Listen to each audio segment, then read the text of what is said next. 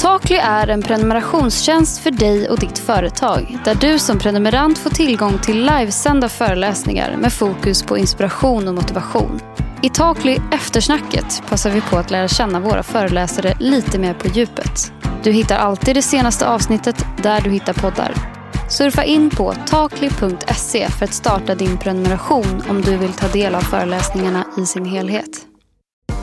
Hej och välkomna till Takli Eftersnacket. Mitt namn är Rebecka och idag sitter jag här med Per Schlingman som precis har haft en föreläsning för oss. Precis, tack så mycket. Härligt. Välkommen får jag väl säga. Tack så hemskt mycket. Du har pratat om um, din bok Corona Express och vad ni har kommit fram till i den, du och Kjell A Nordström. Stämmer bra. Du kallar det för en liten bok om en stor pandemi. Precis, en liten, liten bok om en stor, stor pandemi. Jag tror boken är på 63 sidor. Ja. Eh, men, det, men egentligen så här, boken handlar i grund och botten om eh, att det är vår berättelse om vilka förändringar som har skett under pandemin som också kommer bli varaktiga efteråt. Och som jag tror kommer påverka hur våra städer ser ut, hur vi kommer arbeta och globalisering och sådär. Precis. Väldigt intressant föreläsning och väldigt intressant ämne för många. Mm. Ja, men absolut, det, det påverkar ju alla. Mm. Eh, och det är det som är så intressant med den här pandemin att det har inte funnits några genvägar. Det var någon som skrev så här, det fanns ingen liksom speciell eh, eh VIP-lane för eh, eliten utan alla har påverkats. Mm. Verkligen. Jag tänker, vi fick in väldigt mycket frågor här Mm, under din föreläsning. Ja. Så jag tänker att vi kanske ska dra igenom dem och så ser vi Absolut. vart vi, vart vi hamnar. Jag vet, jag fick ju en fråga om aktietips. Ja. Så den, men den tänkte jag vända. Den kanske du kan svara på istället. Du, jag är så dåligt insatt i aktier så det är helt fel person att vända sig till. Men eh, jag tar gärna emot tips om någon, om någon lyssnar. Nej, men vi fick en fråga som lyder, vilka möjligheter ska vi utnyttja och vilka möjligheter ska vi inte utnyttja pandemin? Mm. Det pratade du ju Ja, lite nej, om. men absolut. Alltså när det gäller möjligheter så tror jag att vi verkligen ska utnyttja möjligheterna att skapa mer flexibilitet, vilket skapar mer livskvalitet för oss människor. Alltså att sättet vi arbetar på, eh, sättet vi, hur vi utvecklar våra städer. Så det tror jag det finns väldigt mycket att göra.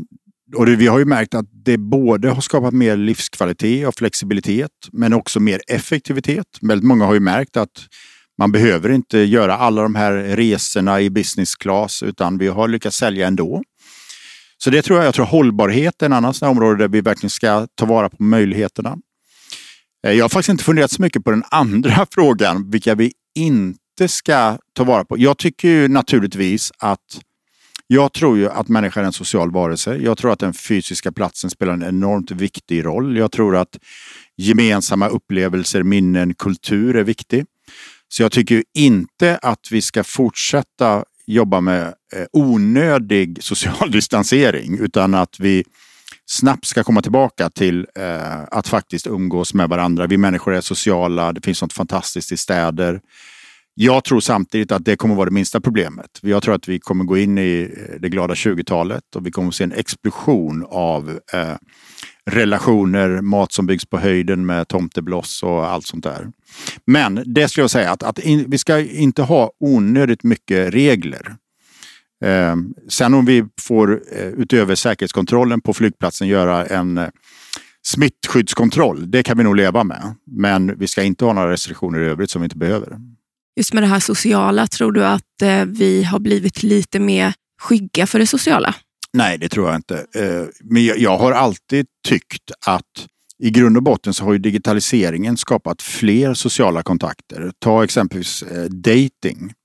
Jag tror aldrig det har dejtats så mycket som nu. Och allting är ju egentligen tack vare digitala plattformar som Tinder och annat. Helt plötsligt så skapar det möjligheter för oss att kunna hitta ganska träffsäkra dejter. Eh, tidigare var man tvungen att skjuta mycket, skjuta mycket bredare eh, och jobba på andra sätt. Men, men jag tror absolut inte det. Sen tror jag och har också förstått, jag har ibland pratat med Fryshuset, en del som driver gymnasieskola och de menar att distansundervisning i skolan har skapat har gjort att vissa elever har fullständigt blommat upp. Därför att man har varit, tyckt, varit lite obekväm i det fysiska rummet. Eh, det är klart att ett fysiskt rum, om det är ett klassrum eller ett mötesrum eller ett kontor, det är också makt. Det är maktspel. Det finns vissa som bestämmer. Det finns härskartekniker. Jag vet att Elaine Eksvärd eh, ska komma hit senare och prata om härskartekniker. Stämmer. Det är klart att många känner sig väldigt mycket friare och bekvämare att vara bakom sin egen skärm. Vi har hela gaming-communityt bland unga, inte minst killar. De känner sig väldigt trygga och hemma och globala. Så jag, jag tror att det här skapar ju möjligheter om man får mer flexibilitet så kommer man också kunna hitta det sätt att leva sitt liv och arbeta som gör att man känner sig trygg. Mm. Däremot så tror jag att det man ska se på med stort allvar det är ju de här mer psykosociala utmaningar som följer. Eh, vi människor är beroende av, av bekräftelse, att känna att vi är ett sammanhang. Och det är klart, har man ett svagt ledarskap eh, och aldrig träffar sina medarbetare så är det klart att det skapar en oro hos många människor. Så det, det, följer nya, men i grund och botten så, så är det här eh, positivt. Och jag kommer ihåg, jag tror att när vi släppte den här boken, den första intervjun jag gjorde var en sån här en, en intervju i en av de kommersiella radiokanalerna. Och det var så roligt för programledaren när vi pratade om det. Han sa så här lite så här, och då var det ganska dystert, så här, alla var väldigt negativa. Men han sa så här, det blir en bättre värld. Och jag skulle säga att det blir en bättre värld för ah, de flesta av oss, alla, alla vi som har en plattform, som har kompetens, som har nätverk. Men klart, om du är ung idag eh, och går ut gymnasiet utan erfarenhet, utan kontakter, så är det tufft. Därför att nästan alla jobb som inte kräver erfarenhet har försvunnit och så vidare. Så att vi riskerar att få en generation corona, alltså den första unga generationen som får det sämre än sina föräldrar. Det tänkte jag lite på eh, under din föreläsning just med distansen och med elever och sådär. Nu eh, sa du att det var positivt för många, men tror du också att det kan vara att det har påverkat många som, ja men just det här att man, man har på distans för oss som privatpersoner, att man, man sitter vid sin skärm, man blir lite bekväm, eh, både om man har skola, att man kanske inte gör det man ska, man börjar leva i ett helt annat, annat mönster alltså våra beteenden och våra vanor. Att du, du pratade om att ja, men man kan slänga in en tvätt mellan mötena. Eh, vad, vad tror du om, om den grejen? Ja, men jag, jag, skulle, jag skulle säga två saker. För det första så tror jag just när det gäller utbildning och skola så tror jag att distansundervisning generellt det är mer av ondo än av godo.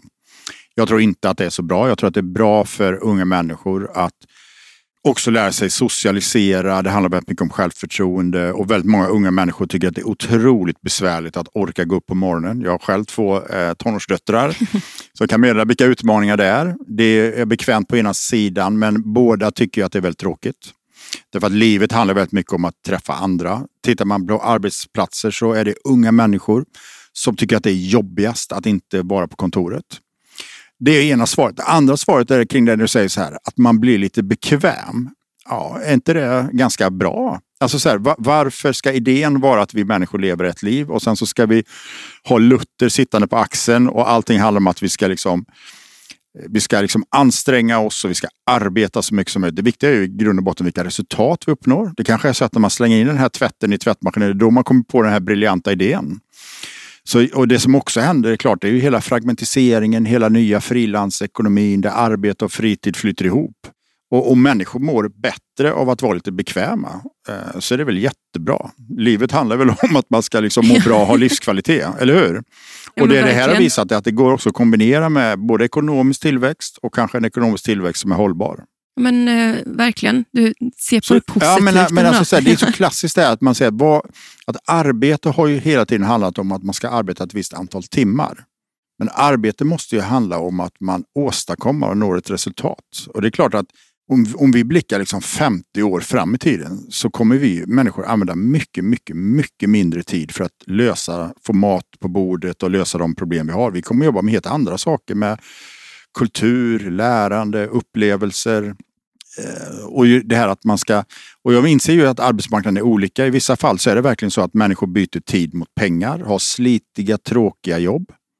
Men många, inte minst i tjänstesektorn i våra större städer, där är det en helt annan typ av arbetsmarknad. Eh, jag säger absolut, mer bekväm framtid, det tror jag att alla vill ha. Ja, jag villig att hålla med dig. Ja, men det, är, det blir ganska skönt. Jag tror att många, det kan också vara så, om man tar den här tvätten igen då. Eh, som ju är en sån här symbol. Eh, det är klart att det kanske är väldigt många som känner sig att om jag har möjlighet att jobba och sköta mina vardagsbestyr, tvätta, ta emot matleveranser, så känner jag mig mycket, mycket tryggare och kan tänka mycket mer kreativt. Så det kan också ha en positiv inverkan på arbetet. Vad tror du om eh, våra konsumtionsmönster? Jag tänker nu om man sitter hemma, man kanske inte köper så mycket kläder. Vad tror du? Tror du att det är någonting som vi har ökat, som har ökat eh, liksom med handeln och något som har minskat? Ja, men det ser man ju tydligt. Alltså, hemmet har blivit mycket, mycket viktigare i konsumtion. Eh, vi har aldrig eh, odlat så mycket hemma. Vi har aldrig bakat så mycket som nu. Eh, vi har aldrig receptsökt så mycket som nu. Eh, därför att det bygger också på att helt plötsligt har människor gjort ett mål mat hemma mer varje dag. Så att intresset för att laga mat själva har ökat dramatiskt. Jag pratade med ett företag inom, eh, som säljer produkter till hem som sa att den riktiga storsäljaren sista året har varit pastamaskinen. Så det är klart, det har ökat. Det man kan kalla feelgood-försäljning har ökat. Alltså affischer, tavlor, allting som gör hemmet snyggt och fint. Eh, det finns också nu en diskussion om att vi har ju haft en utveckling de sista åren där eh, exempelvis en trea i Stockholm har blivit mindre och mindre i kvadratmeter och mer och mer effektiv. Där vi nu ser en utveckling mot att, att lägenheterna plötsligt blir större igen, därför att hemmet spelar en större roll. Vi går ifrån det här öppna planlösningar mot mer av funktion.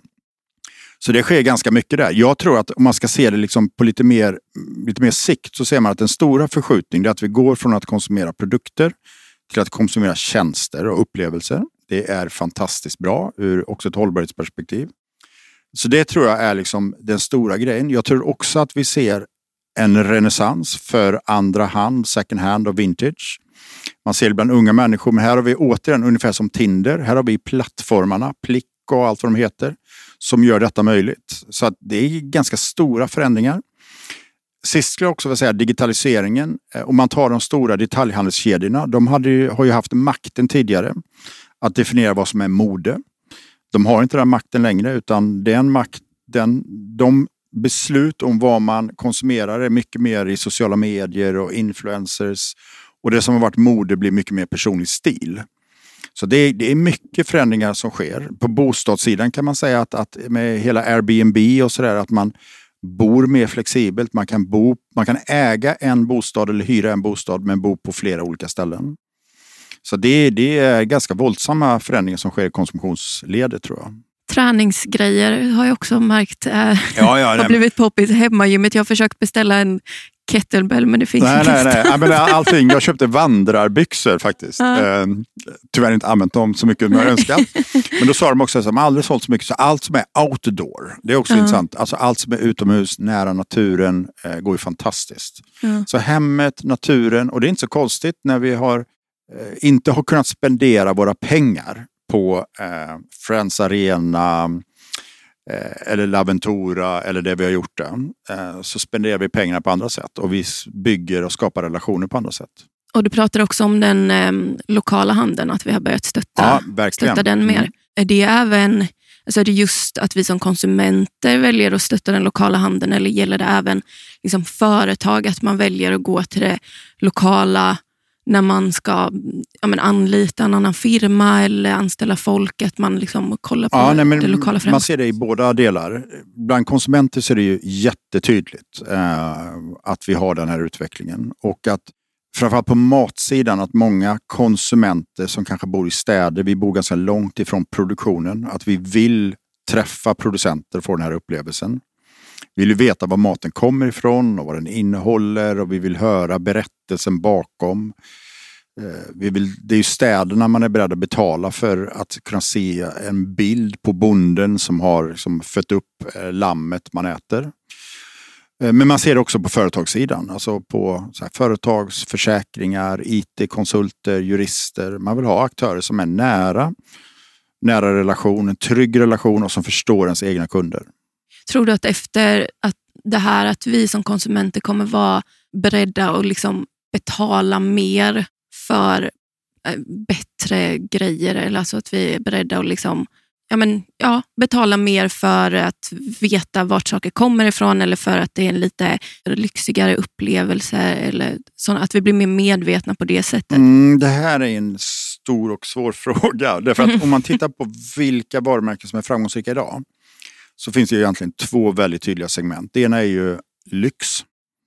Lyx går fantastiskt bra. Ehm, eh, och det andra är lågpris. Eh, och lågpris går så bra så att där ser man till och med en enorm utbyggnad av butiker. Alltså vi har Dollarstore, Rusta, Jula. Eh, hela det segmentet går fantastiskt bra. De som har utmaningar är de som är däremellan. Och vi har också ett konsumtionsmönster där vi trycker tillbaka medelklassen. Det är fler som tjänar lite och fler som tjänar mycket och färre däremellan. Så jag tror att den stora frågan är hur ser vi till att skapa ökad kvalitet så man har en längre livslängd och ökad hållbarhet. Men gör det på ett sätt så att det blir tillgängligt för många. Jag förstår att frågan måste ställas så. Är vi beredda att betala två kronor mer för den ekologiska gräddfilen än den vanliga gräddfilen? Det som måste hända är ju att, att den ekologiska gräddfilen eh, blir standard. Eh, och jag tror att eh, exempelvis inom mat, att vi måste se till att ekologisk och hållbar mat är, också blir tillgänglig för många. Det, det, det, får inte vara relativt sett så dyrt som det är idag. Eh, men jag tror att i hög grad så är vi beredda att betala mer eh, och långsamt så ser vi det.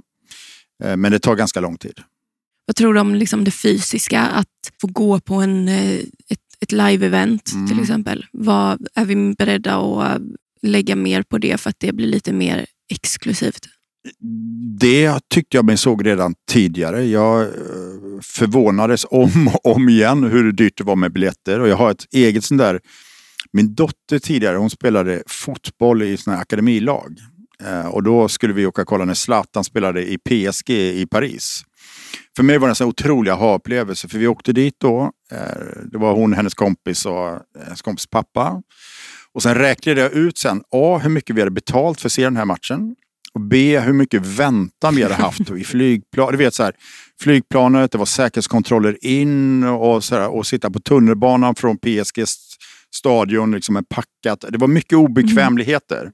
Men allting vägdes upp av det faktum att vi fick se den här eh, live och vi var ju några hundra meter ifrån planen. Eh, men vi hade, och då, då frågade vi oss själva så här, vad hade vi varit beredda att betala för att se den här digitalt? och vårt svar då var noll. Så det är klart att alla upplevelser som är unika, som skapar samhörighet, är vi beredda att betala för. Vi var redan tidigare beredda att betala mer. Jag upplevde att priserna steg på biljetter. Jag upplevde också att även de riktigt stora artisterna var tvungna och gilla såklart att turnera, det är för att det är där man tjänar pengar. Det som jag tycker blir extremt spännande nu, det är ju att se. Jag var ju exempelvis förra sommaren i en del, såg en del konserter när vi kanske var 12 eller 20 pers i trädgårdar och sådär. Vi har också fått känna sötman av de här småskaliga eh, upplevelserna. Och jag tror att det kanske är så att, för jag upplever att eh, i musikbranschen då, att, att från början var det så att många upplevde att man tjänade pengar på musiken. Eh, och jag skrev faktiskt en bok, det måste vara 2013 som heter Stå aldrig still. Jag tittade på musikbranschens omgörning och pratade med en del, så här, Thomas Ledin och en del artister. Som beskrev det här att från början så tjänade man pengar på eh, musiken. Sen gjorde man inte det längre. Nu har ju det förändrats igen eh, och, och, man har hittat ett, ett mycket bättre, bättre plattform för det. Men då tjänar man pengar på konserter. Och det är de här disruptiva krafterna. Och det kanske är så också att man inte heller gör det på samma sätt. Man måste hitta ytterligare nästa grej. För jag tror att det småskaliga också har kommit för att stanna. Jag tror att det, det, vi är beredda att betala väldigt mycket pengar för det. Det kan vara en konsert, det kan vara att ha en kock hemma. Den typen av små unika upplevelser. Ja, jag hörde om någon tjänst som har kommit där man kan eh, köpa, det är som ett forum och så kan du köpa en kvart av den här, då är det någon, en trädgårdsmästare till exempel, så betalar du en summa för att mm. få personliga tips av den här trädgårdsmästaren digitalt mobilen, att ni ringer på Facetime och så betalar du mm. en ganska stor summa för att få liksom, den ja. hjälpen. Det är väl lite exempel på ja, en absolut. sån grej. Att vi är liksom villiga ja. Jättespännande. Ja. Men det är också så, återigen möjliggörs av digitala ja. plattformar. Det kan också vara så att man är hemma när man har middag och så ringer man upp en sommelier en kvart mm. på Facetime och får tips om vinet. Och det handlar väldigt mycket om vad man ska uppfattas känna för dofter och smaker och bouqueter och sådär. Ja, det är jättespännande. Ja, verkligen. Men däremot den stora frågan blir nog de här arenakonserterna. Det blir intressant Verkligen. att se. Där är jag mer osäker mm. faktiskt. Det är också lite, för att just nu om man tänker sig att stå i ett publikhav med 70 000 andra personer på Ullevi och se Håkan till exempel. Det känns ju otroligt långt borta. Och... Mm, jag tror för sig Håkan fixar det tror jag. Men, men jag tänkte så här, redan, redan tidigare var det så att vi kände ju, många kände sig otrygga tack vare, det var ju mer terror och Ja. den typen av frågor.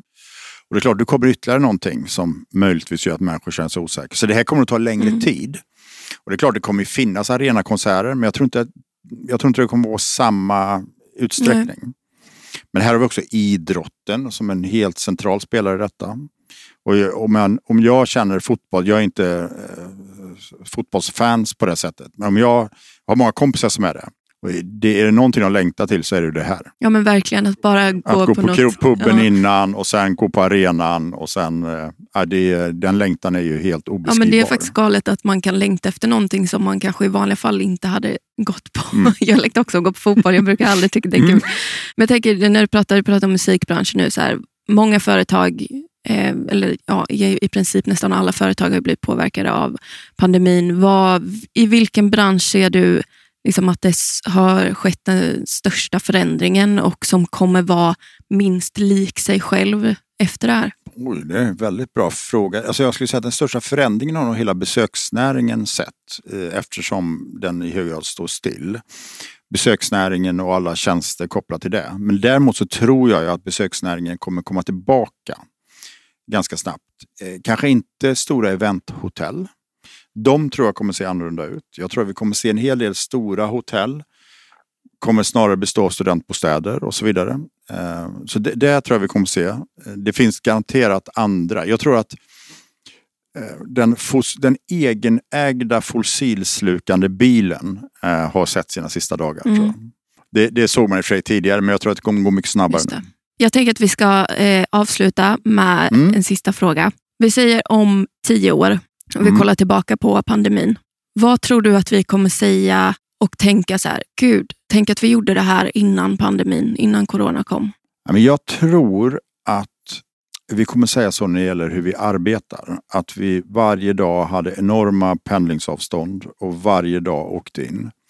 Alla människor vid samma tid på morgonen åkte in till kontoret och köade och varje, alla dagar åkte vi tillbaka och vi satt i egna bilar, en person i varje bil. Eh, som orsakade både miljöproblem och luftföroreningar.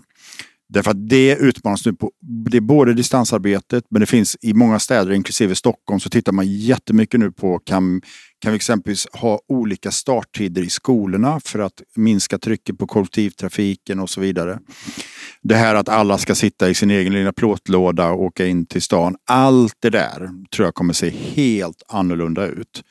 Och då om tio år kommer vi säkert ha självkörande fordon eh, på ett helt annat sätt och en helt annan flexibilitet. Både i, liksom, i kortväga men också långväga transporter på landsbygden.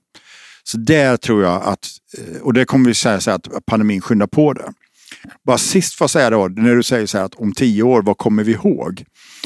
Eh, det finns något väldigt intressant i pandemier, det är att vi minns inte så mycket av pandemier. Man, jag läste en, en analys som har gjorts där man jämfört pandemier med världskrig och krig. Och vi människor tenderar att lägga enorm vikt i historien vid krig. Även om färre dör så minns vi allting och vi skriver om vem som vann och vem förlorade, vad det var för vapen och allt sånt där. Pandemier, det finns egentligen ingen vinnare. Det finns, eh, du vet, det finns bara förlorare, det är något som händer, ingen kan påverka. Det finns ingen riktig dramaturgi i det. Så förhoppningsvis så ser vi till att lära oss lite av detta. Eh, Men det är intressant om man jämför. Ja. Den analysen är just att, att vi vet ganska lite, vi minns ganska lite och vi har forskat ganska lite på hur de påverkar Ja, oss. vi får ses här genom tio år då helt enkelt och se Ja, vad vi ja, absolut. En utvärdering. Se om, det, om vi har några arenakonserter. Verkligen. Ja, men stort tack för att jag fick komma hit, det var jätteroligt. Ja, men stort tack för att du var här. Din bok Corona Express. Jajamän, finns att köpa där böcker finns på alla webbokhandlar. Strålande. Tack snälla Per. Bra, tack så mycket.